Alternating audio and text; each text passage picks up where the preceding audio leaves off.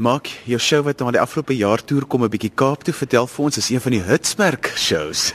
Ehm um, ja nee, die show is #lottering. Uh, my loop nou vir so 'n jaar en ek is baie bly dat ons die toer afeindig in die Kaap. Dit mos my huis. So ek sien baie daarna uit want wanneer die audiences in die Kaap hulle lag vir my. Is 'n verskillende lag, is 'n lekker lag. So ek sien baie daarna uit. Vertel 'n bietjie vir ons van hierdie show. Wat kan mense verwag? Die show is is getitel #lottering. Ek skryf altyd 'n show um oor die goed wat aangaan in my lewe en en heidaglik is ek obsessed met my foon en met hashtags en met allerlei groepe so um die show is oor um die WhatsApp family group en en hoe hulle vir my gesê het asseblief tog join the WhatsApp family group. And in then it just um went out of control. So so baie mense sal identify met baie van die issues in die show en ek praat oor oor goed wat aangaan op social media. En dan natuurlik oor allerlei ander stories um weddings um is ook in die show. Ek praat oor funerals ek praat oor canapes. En die jaar ons was in ons was in PE ons was in um East London. Ek was in Durban met die show. Nou was ek kortliks in Joburg met die show en die mense het hard gelag. Um in my bond is amper klaar betaal, so mense moet maar kom kyk. Kom ons praat 'n bietjie oor 'n WhatsApp groepie, daai familiegroepies. Ja. Wat was vir jou die grootste ontnigtering toe jy die eerste keer die familie WhatsApp groep join? ek dink is is is is ek sê altyd dis 'n evil plan because um jy weet hulle sê vir jou um kom ons het 'n WhatsApp familiegroep van wanneer ons wil besluit wat doen ons Kersfees. Nou wie se huis toe? Kom ons vir middagete.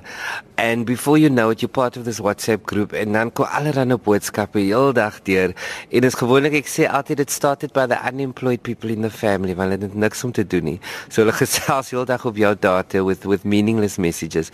So um so dis dis 'n bietjie van die goed waaroor ons praat. Jy het net oor die woord uh, funerals begrafnisse ingegooi is 'n hartseer ding, maar daar kan tog goed gebeur by 'n begrafnis waaroor 'n mens ook kan glimlag. Ehm um, ja, ek sê altyd, jy weet vir my is is uh, daar's groot daar's groot veranderinge in begrafnisse want gewoonlik na die diens sê hulle altyd come join the family for refreshments in die saal net so langs aan die kerk. En en ek kyk altyd daar's daar's nou nice catering want voorheen was dit was dit baie daar was sulke egg mayo sandwiches met sulke lukewarm tea wanneer die urn het nooit gewerk nie, dan weet jy jy's by 'n begrafnis en jy sê sad net soos jy buite in die sandwich.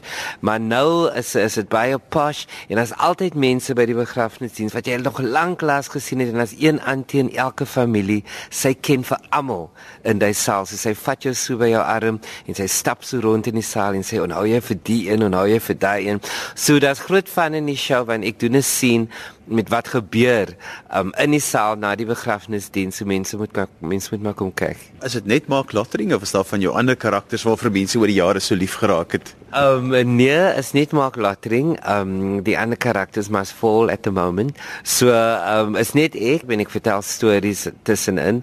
Um so wanneer ek dink sommige van die van die mense hulle hou van die karakters en sommige van die mense sê nee, hulle hou van die stories. So met hierdie show um is daar wel nie karakters nie. Um maar mense het dit nogal tot dusver het mense dit vreeslik baie geniet. 'n Onderhoud met jou is nie 'n onderhoud as ons nie 'n bietjie praat oor anti-mil nie. Ja.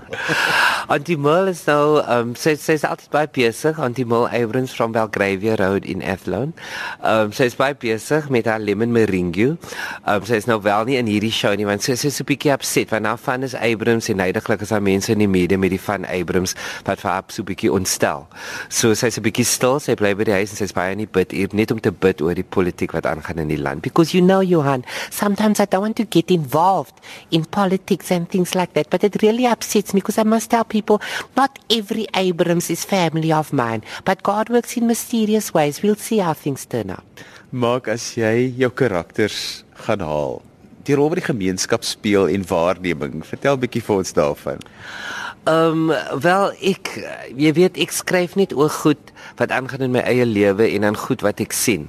Want ek dink ehm um, as jy 'n show doen en en as jy nie eerlik is in die show nie, um somehow die mense hulle onmiddellik weet hulle net die stories opgemaak dat dit nie met jou gebeur nie of wat jy nou doen met daardie karakter, dit kan nooit moontlik wees nie. So ek skryf altyd oor eerlike goed want ek dink dis die beste komedie. So so die mense om my speel 'n baie belangrike rol in alles wat wat uit my mond uitkom. Um as jy weet if it's stand up and if it's if it's characters is alles wat ek gesien het alles wat ek ervaar het. So is baie belangrik vir my. Ek hou nie daarvan om by die huis te sit nie. Ek kan heeldag sit um jy weet koffie drink eers net mense dophou grasie sauvignon blanc in die middag mense dophou dit vir my um dis baie belangrik vir my um that informs my work want ek hou daarvan om te skryf oor goed wat alledaagse goed so mense kom in die teater hulle kyk hier show en sê hulle hulle lag nie noodsaaklik omdat dit so snaaks is nie, maar hulle lag want hulle sê dit het met my gebeur of ek ken iemand wat dit doen en so voort. En dis hoe ek skryf. Iets wat my die laaste tyd baie fascineer is die opkoms van sosiale media. Wat mense is nou baie meer ingelig oor goed sê nou maar as 20 jaar terug. Hulle kan op die minuut weet hulle van goed. Het dit 'n effek gehad op hoe julle julle komedie nou beplan? Ja, is uh, is 'n goeie ding en is ook nie 'n goeie ding nie want ehm um, veral nou as jy shows doen, uh, mense kan onmiddellik uh, hulle kan hulle kan 'n grap tweet terwyl jy nog op die verhoog is. So dan is dit 'n verrassing vir mense wat kom die volgende week ja, as hulle nou op social media was. Maar dit hou ook vir jou op jou tone want dan moet jy jy moet aanhou nuwe goed skryf en ek dink dis baie baie belangrik vir al ons komediante dat dat dat jy net jy net weet vir al in Suid-Afrika dinge gebeur so gou hiersa en and you've got to be on your toes. Nuwe goed elke week. I mean who knew you'd ever be hostage in a SARS building? En dit miskien sal dit nooit weer gebeur nie want dit gebeur in Suid-Afrika.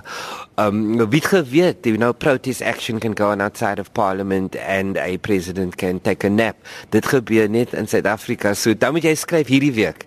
En dan is dit oor. Dan is 'n ander issue volgende week.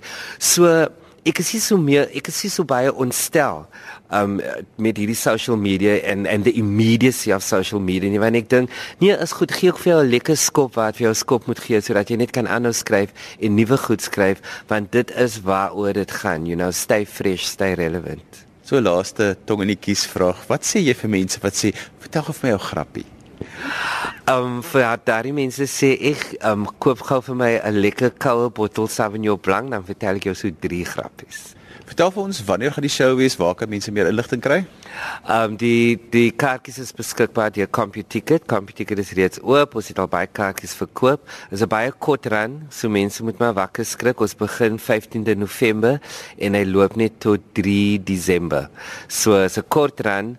Ehm um, dit raak al besig en is kaartjies beskikbaar by CompuTicket en Dinsdag se aand dink ek is R75 en dan loop hy van R75 gaan hy so op op op op tot die naweek.